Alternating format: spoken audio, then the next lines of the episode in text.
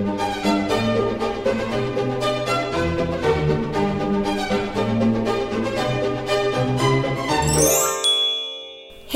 och välkomna till Kungligt. Med Jenny Alexandersson. Och Sara Eriksson. Och i veckans avsnitt ska vi bland annat prata om det här. Brittiska kungahuset och dess iskyla mot Meghan Markle efter det öppenhjärtiga uttalandet hon gjorde om ett missfall. Vi ska prata om drottning Elizabeth som blivit utsatt för flera stölder. Mannen har erkänt. Han utnyttjade faktiskt coronasituationen för att komma över alla dyrgripar på Buckingham Palace. Och brittiska regeringen avslöjar hur drottningens 70-årsjubileum ska firas. Och så måste vi såklart prata om corona och hur den här pandemin har letat sig in på de kungliga slotten. Ja, precis. Och vi ska även prata om hur Nobelfirandet kommer att se ut i år. Det blir ju såklart väldigt annorlunda som så mycket annat. Vi ska även prata om hur kungafamiljerna runt om i världen förbereder sig inför julen. Och där står ju prinsessa Madeleine inför ett stort dilemma. Och eh, på Haga slott så har redan julen flyttat in med en otroligt julig och härlig eh, stämning. Drottning Elizabeth hon har ju en väldigt speciell relation till julpynt och där varar faktiskt julen nästan en till påska. och vi ska även prata om kungligheter och kontroversiella klädval och självklart ska vi svara på era lyssnarfrågor. Vi ska bland annat svara på en som handlar om varför prinsessan Anne inte har någon hertiginnatitel. Som sagt, mycket har vi att gå igenom. Mm. Ska vi börja med Nobel? Ja, det tycker jag vi ska göra. Det är ju trots allt redan december och eh, om en vecka är det den 12 december och Nobeldagen. Och det blir ju ett annorlunda firande och en annorlunda prisutdelning i år på grund av den rådande pandemin och den här festliga banketten i Blå hallen blir ju såklart inte av. Nej, det är lite synd, men jag promenerade faktiskt förbi Stadshuset nu på morgonen och jag såg att de höll på att bygga upp någon slags eh, ja, det var ingen scen, men det var liksom en stor plattform på andra sidan eh, bron vid, vid Stadshuset. Så att de höll på att ladda upp med, jag vet inte om det var ljus eller om det var, eh, ja, det var säkerligen så strålkastare eller någonting. Så de ska väl ta exteriörbilder, tänker jag i alla fall, utanför Stadshuset. Spännande. Mm. Vi kommer Men, få en liten kunglig närvaro, om, om en, en väldigt liten sådan i alla fall. Eh, ja, fast jag blir så ledsen när jag hör det. Eller jag förstår ju, men berätta Sara. Nej men årets pristagare, de kommer ju såklart att, att eh, hyllas vid en ceremoni som eh, för första gången faktiskt hålls i Gyllene salen i Stockholms stadshus. Eh, Nobelstiftens ordförande kommer bland annat att närvara och kungen kommer att delta digitalt via länk. Och årets pristagare de kommer att få ta emot medaljer och diplom i sina hemländer och allt det här kommer att, att tv-sändas. Och det är ju fantastiskt. Jag, jag älskar att vi ändå kommer få en Nobelsändning och att alla pristagare ska hyllas. Men, och jag älskar att kungen är med, även om det är digitalt. Men det är också så, så tråkigt att inte få se hela kungafamiljen. Det är ju faktiskt en av årets stora höjdpunkter. Eh, så är det bara. Det går inte att komma ifrån. Nej, men det här är ju festernas fest. Det är ju ja. kungafamiljen och Sveriges största skyltfönster ut mot resten av världen. Och det är ju ändå så att även om pristagarna är i fokus så är vi ju många som ändå håller koll på eh, de kungliga damerna. Och alla kvinnliga gäster. För det är ändå också en fest där man kan klä upp sig från topp till tå. Och det älskar man ju frossa i. Ja men självklart. Och liksom, precis som ni hör så kommer ju, vi två kommer ju givetvis sakna det här och vi vet ju att ni är framförallt många som lyssnar på den här podden som också kommer att sakna de här festligheterna, de vackra klänningarna och så vidare. Men det som är bra är att SVT har beslutat sig för att sända en, en, alltså en, en liten tillbakablicksändning kan man säga. Och på olika sätt då hylla pristagarna. Och de utlovar då så här återblickar till så mest minnesvärda och glittrande stunderna och kommer få besök i studion av bland annat så design Lars, Lars Wallin och eh, florist Per Benjamin och även Nobelhistorikern Gustav Källstrand. Så att det kommer ändå bli lite gott och blandat med glimtar från tidigare år. Och det är väl lite så vi, det vi får leva på här och nu. Ja, ja men verkligen. Men jag hoppas ju då att Nobel 2021 blir dubbelt så festlig, dubbelt så mycket härligheter för att kompensera. Ja, Eller det hur? måste det bli. Och det kommer även att vara lite artister som uppträder den här Nobelfestliga kvällen. Och sen hoppas vi att det blir liksom ett hejdundrande firande nästa år. Mm. Och nästa vecka så ägnar vi hela podden åt Nobel, i stort sett. Ja men det gör vi. Tänk er liksom ett helt smörgåsbord av glitter, glamour, vackra klänningar och gnistrande diadem. Say no more! Men Sara, vi, eh, vi går över till kungligheter. Och eh, vi startar i Storbritannien. För vi har ju pratat om det här tidigare i podden. Att drottning Elizabeth, hon blev ju drabbad av flera stölder. Och sist när vi pratade om det, det var i augusti. Och då hade en 37-årig man precis häktats. Och han har ju då stulit ja, med flera värdesaker från den brittiska kungafamiljen. Och faktum är att de här stölderna de startade ju redan i november 2019. Men så eskalerade de under coronapandemin. Och det kunde det göra därför att hovet eh, gjorde allt för att minska risken för smitta och då drog man ner på antalet anställda som kunde röra sig fritt på Buckingham Palace. Men många hovanställda fick ju helt nya uppgifter, så som många företag har gjort. Eh, och en köksassistent, Adamo Kanto, han fick börja städa och desinficera ytor och möbler på slottet. Och då fick han tillgång till fler rum helt enkelt. Ja. Han snackar om att utnyttja läget. Ja, men han såg ju chansen att sno ännu fler dyrbarheter från drottningen. Han trodde väl att han skulle komma undan med det där. Och frågan är vad som hade hänt om han inte hade upptäckts. Ja, ja men verkligen.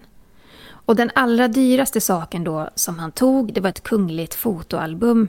Och det hade då tillverkats för att uppmärksamma president Donald Trumps statsbesök i London. Och det fotoalbumet, det uppskattade värdet på det, det var runt 17 000 kronor. Så det är inga småsaker heller som han har stulit. Och sen hade han också då tagit signerade bilder på prinsarna William och Harry och deras familjer. Men det var ju någonting Sara som stack ut, eller hur? Ja men det var ju två stycken riktiga dyrgripar, nämligen två stycken medaljer som drottningens hovintendent, vice amiral Master Tony Johnstone Burt, fått i gåva av drottningen, som försvann under den här tiden.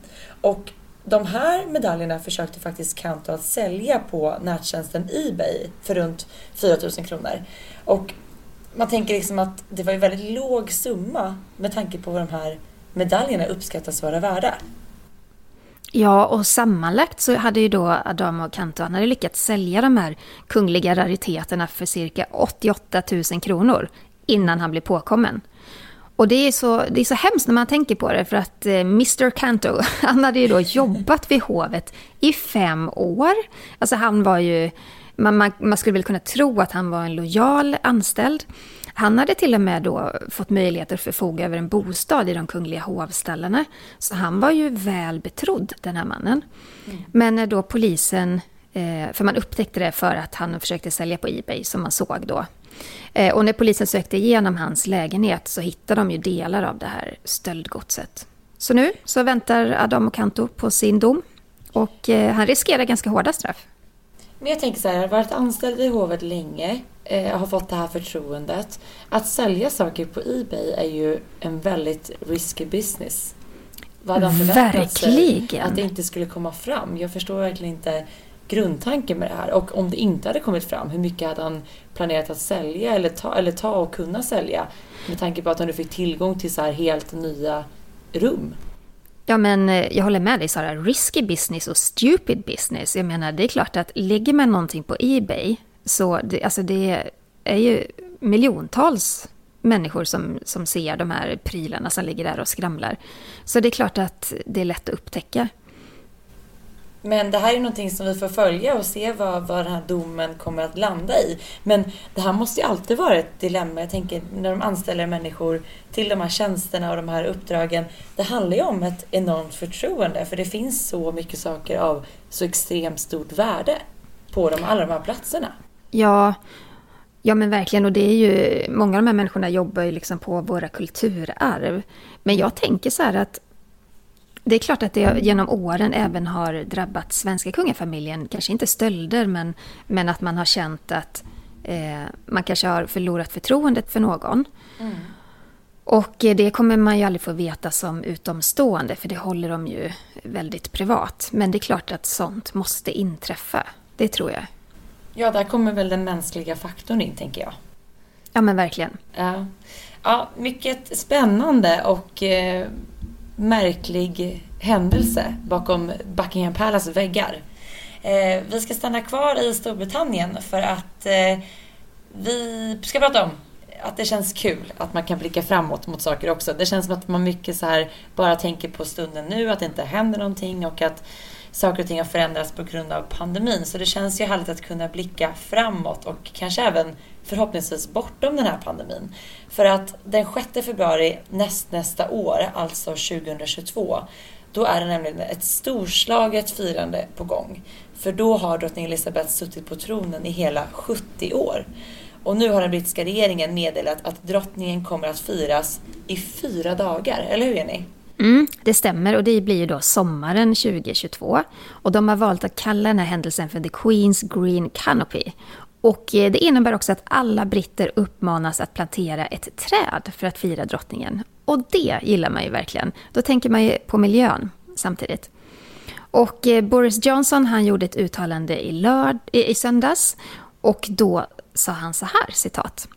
När vi firar Hennes Majestäts otroliga 70 år i tjänst vill jag uppmuntra alla till att följa planen och plantera ett träd vid jubileet. Fint så tycker det jag. Det känns väldigt modernt och det känns väldigt rätt. Ja, istället för att så här, äh, pråla på med, med det ena och det andra så fokuserar man på någonting jordnära helt enkelt. Och det är klart att drottningen ska firas. Hon är ju den äldsta monarken någonsin i Storbritannien. Och hon har även suttit på tronen längre än någon annan tidigare i landet. Och kanske, vi hoppas ju, så kan hon slå världens längst sittande monark och det är ju kung Bhumibol av Thailand. Han avled ju 2016 om jag minns rätt. Men han var då landets kung i 70 år. Mm. Så när drottning Elizabeth passerar sommaren 2022 så har hon också då passerat hans rekord. Det blir ett firande att se fram emot. Ja men verkligen. Men Sara, det är inte bara roligheter kring, kring drottning Elisabeth. Nej, apropå att drottningen är 94 år och vi såklart hoppas att hon ska få fira det här 70-årsjubileumet så inträffade en väldigt märklig sak för en tid sedan. Det var den franska radiokanalen RFI som begick en jättemiss när de av misstag råkade publicera flera stycken förberedda alltså dödsrunor över mm. personer mm. som fortfarande var vid liv. Och där bland dessa var drottning Elizabeth. Och det är ju jättehemskt. Alltså jag som jobbar på en kvällstidning, jag vet ju hur fruktansvärt det är när någonting sånt händer. Eh, vad jag vet så har inte Aftonbladet varit med om det, men jag, jag, jag kan förstå. Jag kan förstå. Någon har tryckt på fel knapp vid fel tillfälle. Mm. Och eh, RFI, de har ju då gjort ett uttalande och då säger de att det var ett tekniskt problem då som resulterade i att de här dödsrunorna publicerades på, på sajten. Och de ber ju såklart så mycket om ursäkt till alla drabbade. Och det är klart, det är ju inte roligt, även om man är en offentlig person och man kanske förstår att sådana här saker kan hända.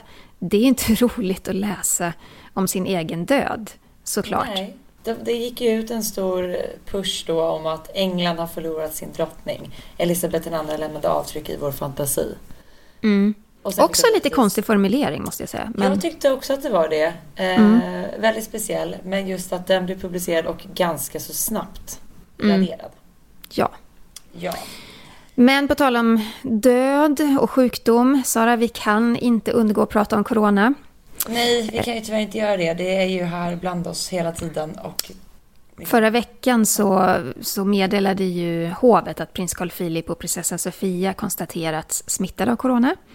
Och prinsparet de har ju suttit isolerade på Villa Solbacken på Djurgården med sina två söner, Alexander och Gabriel.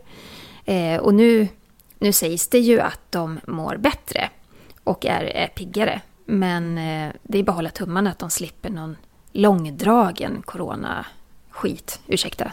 Ja, verkligen. Man får också säga skit i det här sammanhanget tycker jag. För att mm. i samband med att prinsparet bekräftades smittade så spreds ju en oro i och med att kungafamiljen bara dagar tidigare hade samlats vid begravningen av drottning Silvias bror Walter Sommerlath. Men eh, hela familjen skulle då testats för covid innan begravningen och då var ingen smittad. Och efter beskedet om att prinsparet insjuknat med lättare influensasymptom så snabbtestades ju hela kungafamiljen. Och där var det just då bara prinsparet som konstaterades smittade. Så det var ju en lättnad i och med att både kungen och drottningen är ju 70 plus. eh, och riskgrupp. Ja, och man måste ju verkligen vara rädd om, rädd om sig och vara rädd om varandra i det här läget. Och jag har för mig att hovet sa att just på begravningen så hade de ju inte, de hade varit färre än tio personer och de hade ju hållit avstånd och sådär. Men, men det är klart att det är ett lömskt virus och det här kan ju, det kan ju drabba en när som helst. Man kan ju inte styra kring det där. Nej. Men att viruset tar sig in bakom de kungliga väggarna, det är ju inget nytt. Vi har pratat om det innan. Det är flera kungligheter som konstaterats smittade och som officiellt har gått ut med det. Vi har ju eh, har vi prins Charles, prins William, eh, Joakim av Belgien och först Albert. Mm. Och eh, för en tid sedan så fick vi veta att hans dotter, som han har utom äktenskapet, Jasmine Grimaldi, hon blev också smittad. Ja, och hon blev ju så pass sjuk att hon behövde vård och eh, läggas in på sjukhus. Och hon har pratat väldigt öppet via sitt Instagramkonto om hur hon upplevde det här insjuknandet och hur det har påverkat henne och hennes kropp. Ja, jag följer ju Jasmine på, på Instagram och hon är en väldigt färgstark person och jag har ju också hört hennes, jag menar, hört hennes berättelse och följt henne under hela den här corona krisen för hennes del. Eh, och jag tycker det är fint att hon är öppen med det för att hon, eh, hon har många följare och hon blir också lite av en förebild hur man kan hantera det hela, tycker jag. Det är trots allt december och vi börjar närma oss juletider och i samband med första advent i söndag så fick vi en hälsning från Haga slott. Låt oss lyssna lite på hur det lät. Idag är det första advent. Advent betyder ankomst och hopp. Något som känns extra viktigt just i år.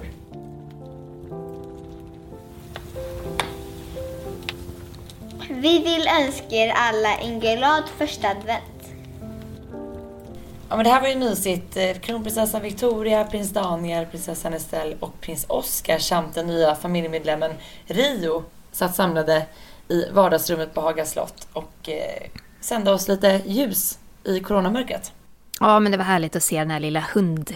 Han är inte valp längre kan man väl inte säga, men den här lilla eh, hunden, Rio, som eh, kronprinsessfamiljen fick i somras, eller hur? Ja, precis. Eh, så att de har nu en liten vovve hemma och det är ett mycket uppskattat husdjur. Kronprinsessfamiljen var ju faktiskt den enda som, av vår kungafamilj som inte hade en hund. Men nu har väl alla en varsin. Vi är ju ganska vana vid att eh, kronprinsessfamiljen skickar ut hälsningar vid stora högtider och jag tänker att det är ju ännu viktigare i en sån här krissituation som vi befinner oss i. Det ger ju ändå lite... Jag tycker ändå att det ger en ljusglimt. Ja, att man kan få, få lite insyn i hur kungafamiljen klarar av det här.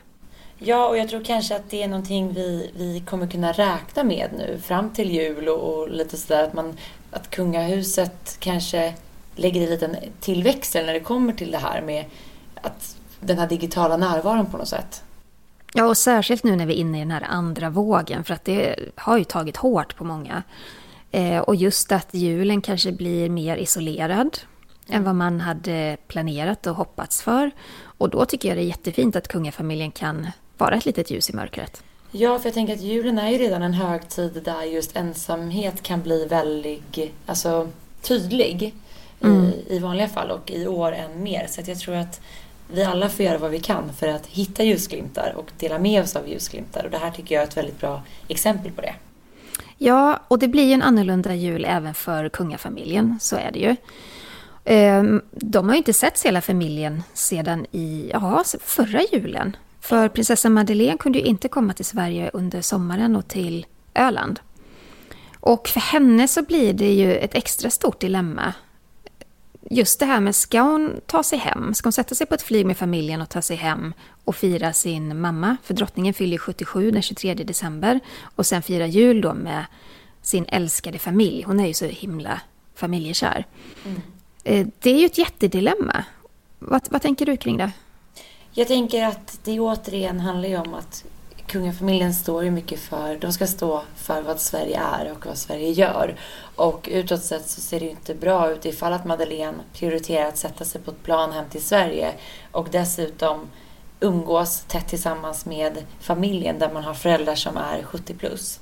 Mm. Eh, jag tror inte att vi kommer se prinsessan Madeleine med familj i Sverige till jul just för att det inte ser bra ut utåt. Sen kan man bara tänka sig hur mycket Madeleine och väldigt många andra i den här världen längtar efter sina nära och kära. Men vi kan ju tyvärr inte påverka det just nu.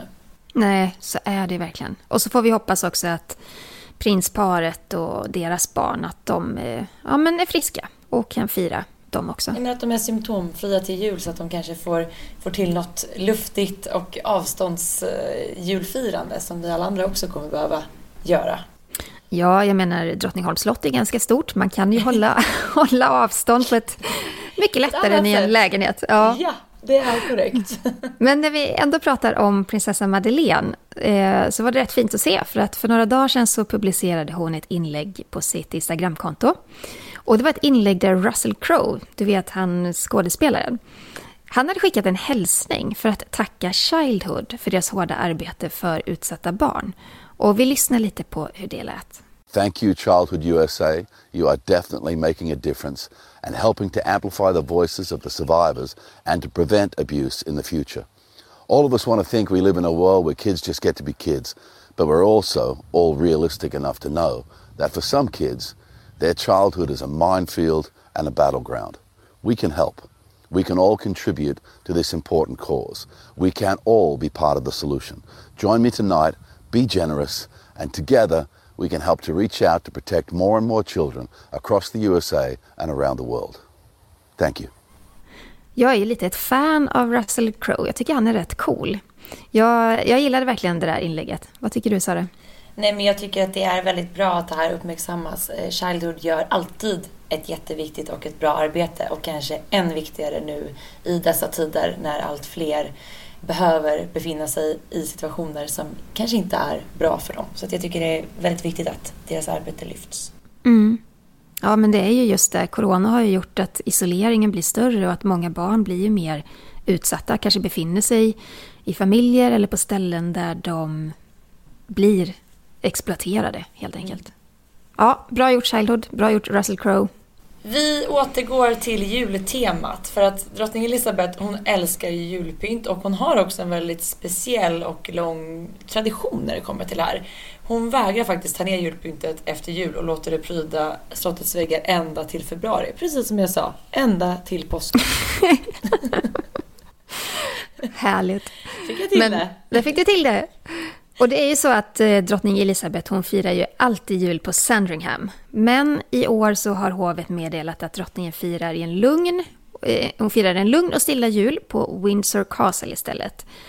Och genom det så bryter hon en 30 år gammal tradition, för Sandringham har ju alltid varit hennes julslott. Ja. Men jag är säker på att det kommer ändå vara en del julpynt på Sandringham. För det är nämligen så att Elizabeth hedrar sin far, George den sjätte, genom att låta alla de här juldekorationerna vara kvar fram till den 6 februari. För det var ju kungens dödsdag. Han somnade in då på slottet den 6 februari 1952. Ja, och vanligtvis så stannar ju drottningen som sagt var alltid kvar på slottet fram till årsdagen för att sen återvända till Buckingham Palace. Men jag undrar den här traditionen med julpynt, har det någonting att göra med att han, hennes pappa då var extra kär i julen? Eller vad, jag undrar bara vad julens koppling blir där på något sätt. Ja, eller om hon helt enkelt vill eh, bara bevara den här, den här känslan. Ja. För det kan ju vara så att... Eh, ja, jag vet inte.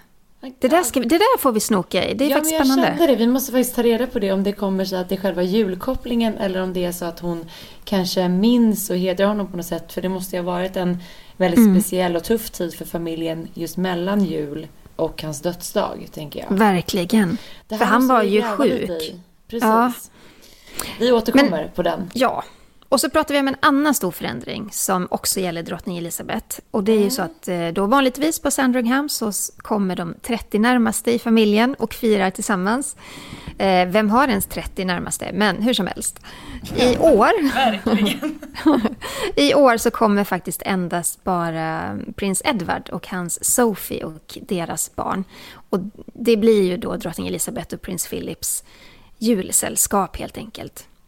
För det är ju så att de här nya riktlinjerna som eh, man har tagit fram i Storbritannien nu på grund av corona, det innebär att man får inte samlas mer än tre hushåll eller tre familjer för att fira jul tillsammans. Och eh, prins Philip fyller ju 100 år nästa år. Det är helt år. otroligt. Ja, så jag fattar att de vill ta det lugnt, att de vill vara försiktiga. Verkligen. En annan person som, en annan kunglighet som gillar mycket det här kring julen och framförallt nedräkningen till julen, det är ju danska drottning Margareta. Hon har ju verkligen ett öga för det här estetiska och är väldigt konstnärlig. Och hon delar ju mer än gärna med sig av så kulturella inslag. Eh, och så här runt jul så brukar vi få vara med på den här nissejakten på danska slottet. Och i år är inget undantag. Nej, men Nissejakten det är som en adventskalender, eller hur? Ja, men det är supermysigt och den här kan man ju följa då via danska kungahusets officiella Instagramkonto. Och eh, det finns faktiskt en väldigt fin historia kring de här små tomtenissarna som är tillverkade av papp.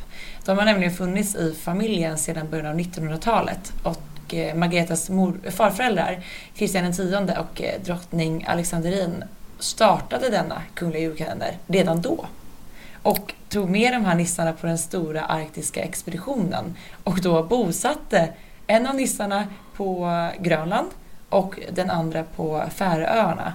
Och då har liksom Margareta kommit på att det är exakt hundra år sedan som hela nissefamiljen var samlad. Så nu har hon valt att skicka ut de här nissarna på nya äventyr och en ny resa där de kommer att besöka stora delar av det danska kungariket och till slut då samlas, antar på julafton då, hundra år senare. Väldigt ambitiöst måste jag säga. Ja men det är flummigt, det är härligt och jag tycker att det har ett väldigt starkt symboliskt värde så här i coronatider. Att vi får hitta nya sätt att underhålla oss och ändå den här symboliken i att få samlas. Jag gillar det. Mm, jag gillar drottning Margrethe. Hon är så fantastisk. Hon är ju verkligen ett unikum och en drottningarnas drottning. Eh, jag vet Hur mycket det... älskar man inte det där? Nej, men alltså, hon är så avslappnad i sin kungliga roll. Eh, när jag skulle intervjua henne nere i Frankrike något år, eh, ja men då fick jag ett glas vin i handen. Det var det liksom. Det säger allt. Hon är härlig. Hon är underbar och på de här klippen då på, på danska kungahusets Instagram så ser man liksom hur hon går omkring i slottet, hon öppnar byrålådor, tar fram de här nissarna och ritar kartor. Nej, jag tycker att hon är urhärlig alltså. Mm, hon är cool. Men Sara, nu är det dags för någonting helt annat. Det är dags för veckans Harry och Meghan.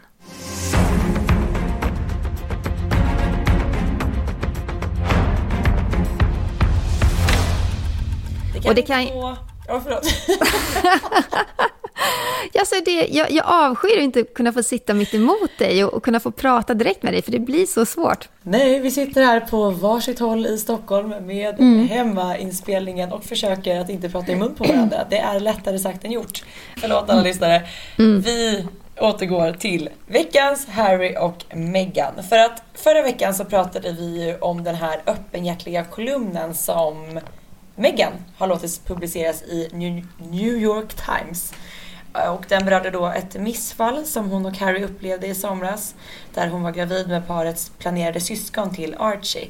Och den här texten den var lång och den började med mycket som personlig beskrivning av hur, hur Meghan först upptäckte missfallet och hur de sen gick igenom det här tillsammans. Mm. Och hon har ju fått jättepositiv respons på det här och just att hon vågar vara så öppen, att hon vågar prata om det här ämnet, det har ju uppskattats av så många världen över. Mm. Eh, och det är ju det är också så att eh, många andra medier fångade upp det här eh, och många brittiska tidningar vände sig till brittiska hovet för att få en kommentar. För att eh, Meghan och Harry, de tillhör ändå fortfarande kungafamiljen. Och de fick en kommentar men den var i kortaste laget kan jag säga. Eh, det var så här. A deeply personal matter we would not comment on. Alltså en djupt personlig upplevelse vi inte kommer att kommentera.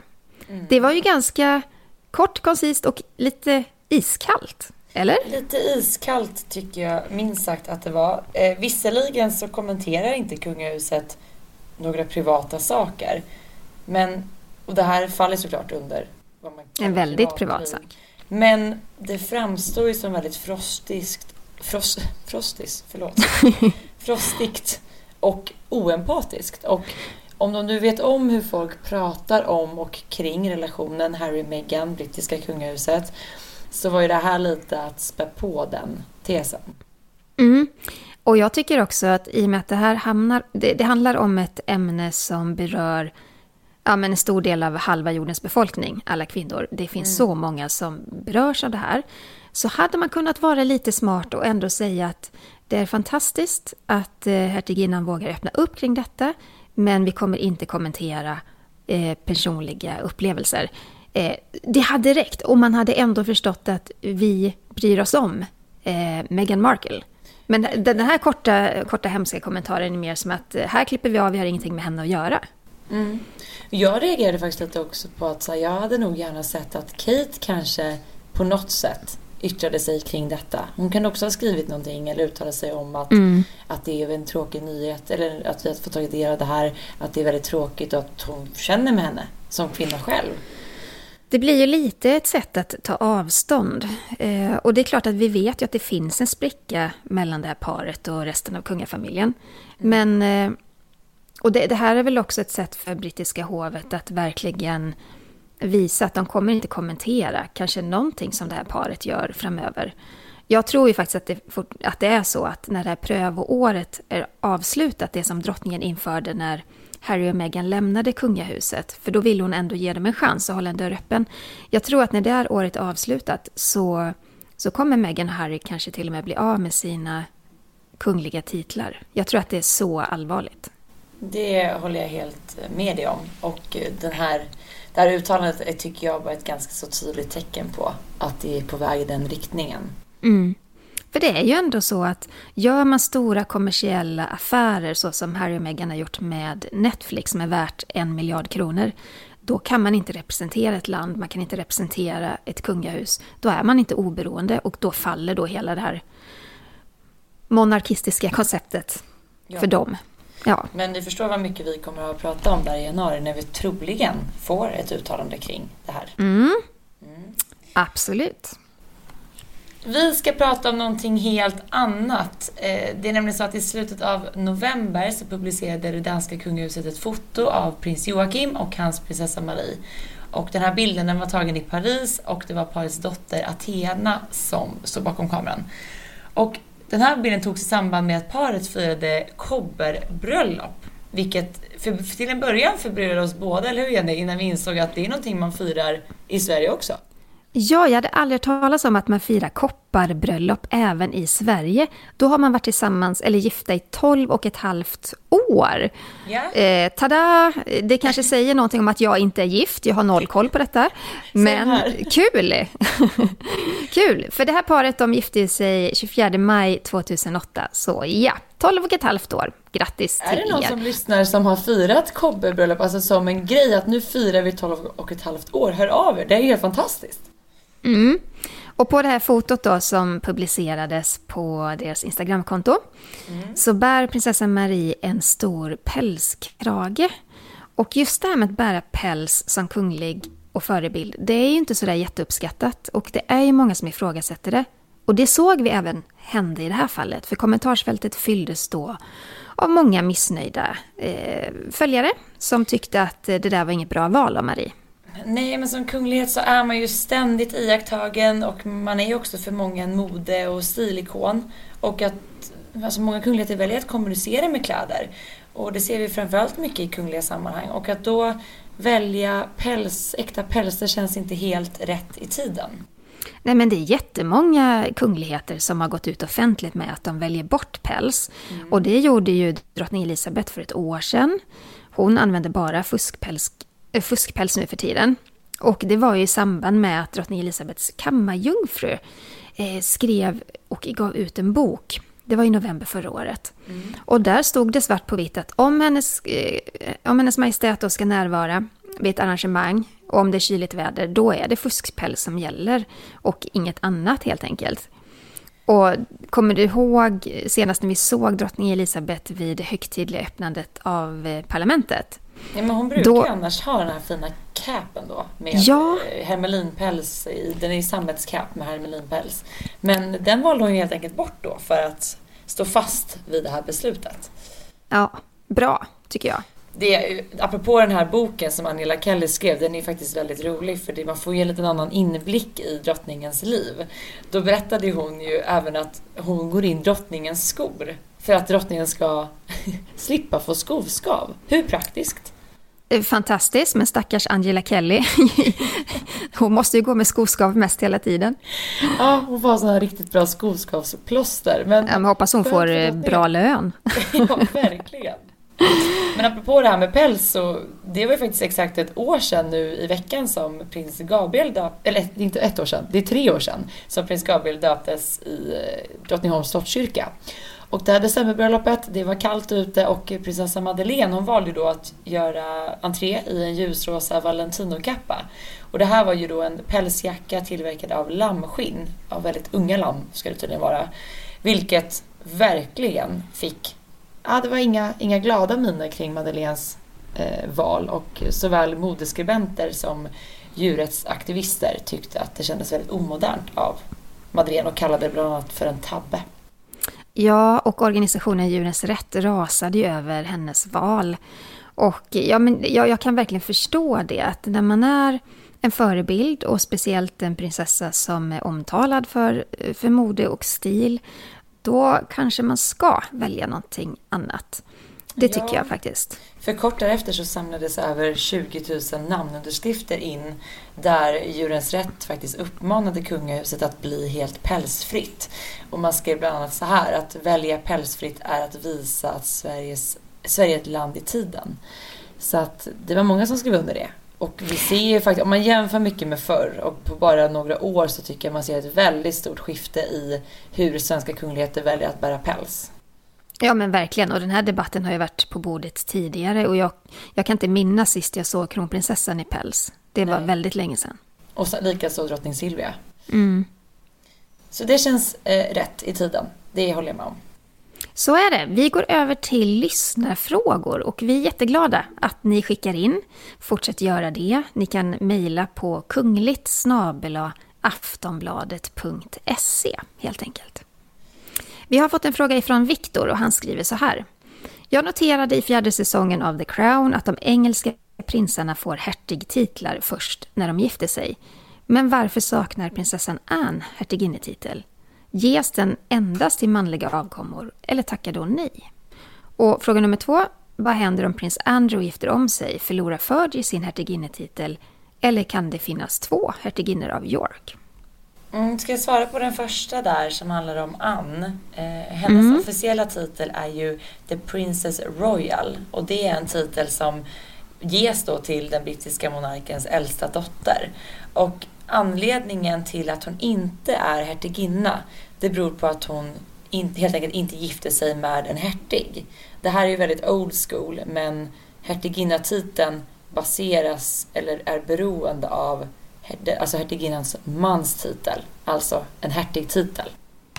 Och sen gav ju inte heller drottningen henne någon hertiginnetitel vid giftermålet. Alltså det är ju fortfarande så i Storbritannien att Eh, allting är väldigt så baserat på den manliga sidan eh, och, och, saker som går i arv. Så att, ja, det, det är lite annorlunda jämfört med väldigt Sverige. Väldigt annorlunda och väldigt gammaldags. Men det är så mm. det ser ut i Storbritannien. Vad gäller det där med Andrew och Fergie, Jenny? Har du koll på det?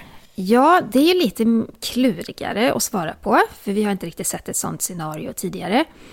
Men, eh, men troligtvis så gör man så att den nya hustrun eh, blir då Her Royal Highness the Duchess of York. Eh, och det betyder att Fergie skulle ju kunna behålla sin titel eh, som föreskrivs tidigare makar. Men eh, jag skulle gärna vilja se ett sånt scenario i framtiden. Det blir jättespännande. Ja, ja men verkligen. Vi har ju aldrig sett det tidigare. Och dessutom så sägs det ju att Andrew och Fergie bor tillsammans. Så att han skulle träffa någon ny känns ganska långt bort. Men vi får väl se. Ja, jag tänker också på, på i Danmark när prins Joakim skilde sig från då var ju hon prinsessa Alexandra. Då förlorade hon ju sin prinsesstitel men fick, eh, hon var, fick då behålla hertiginnetitel. Mm. Så det är väl ganska vanligt mer på våra breddgrader om man säger så. Men å andra sidan är det också att i Storbritannien så har ju den titeln högre status än prins och prinsesstitel. Så det är också lite klurigare där. Mm. Verkligen. Men en bra fråga, en intressant fråga. Och relevant bra fråga. sådan. Eh, Karin undrar följande. Våra prinsessor och vår drottning har alltid nya kläder på sig när man ser bilder på dem. Min fråga är, lånar de kläderna för en dag eller sparas de? I så fall måste de ha extremt många garderober. Lyssna på, på er varje vecka. Ni är bäst. Kram Karin. Tack Karin. Tack. Jo, man kan ju faktiskt konstatera att det finns många och stora garderober på de kungliga slotten. Så är det. Inga kläder slängs, utan man sparar. Eh, det är inte så mycket lån när det gäller kvinnorna i kungafamiljen, utan det är ju mycket som, som köps in, men man återanvänder också väldigt mycket kläder. Och det tycker jag har, det kan man se så tydligt de senaste åren, att det, det blir mer och mer så. Kronprinsessan Victoria återanvänder ju till och med sin mammas gamla kläder från 70 och 80-talet, så att det, där tycker jag de är jätteduktiga.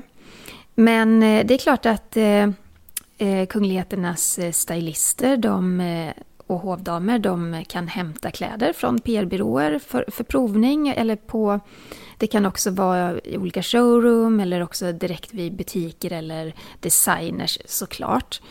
Eh, och så provar man på, på slottet och det som inte väljs ut det lämnas ju tillbaka såklart.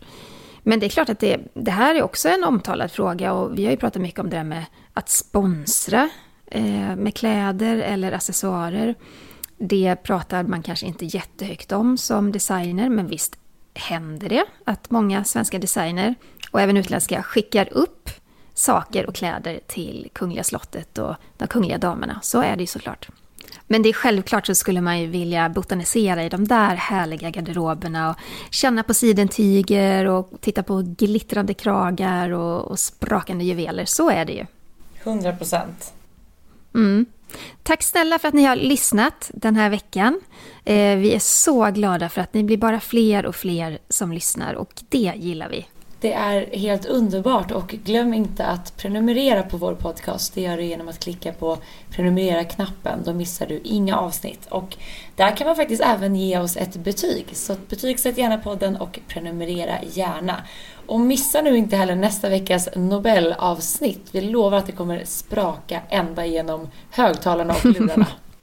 och följ oss på sociala medier. Jag finns på Instagram. Där heter jag Kungligt med Jenny. Och Sara, var finns du? på royalistan.se och ta hand om varandra och njut av lite juleljus och adventsmys så hörs vi igen om en vecka. Hej då! Hej då!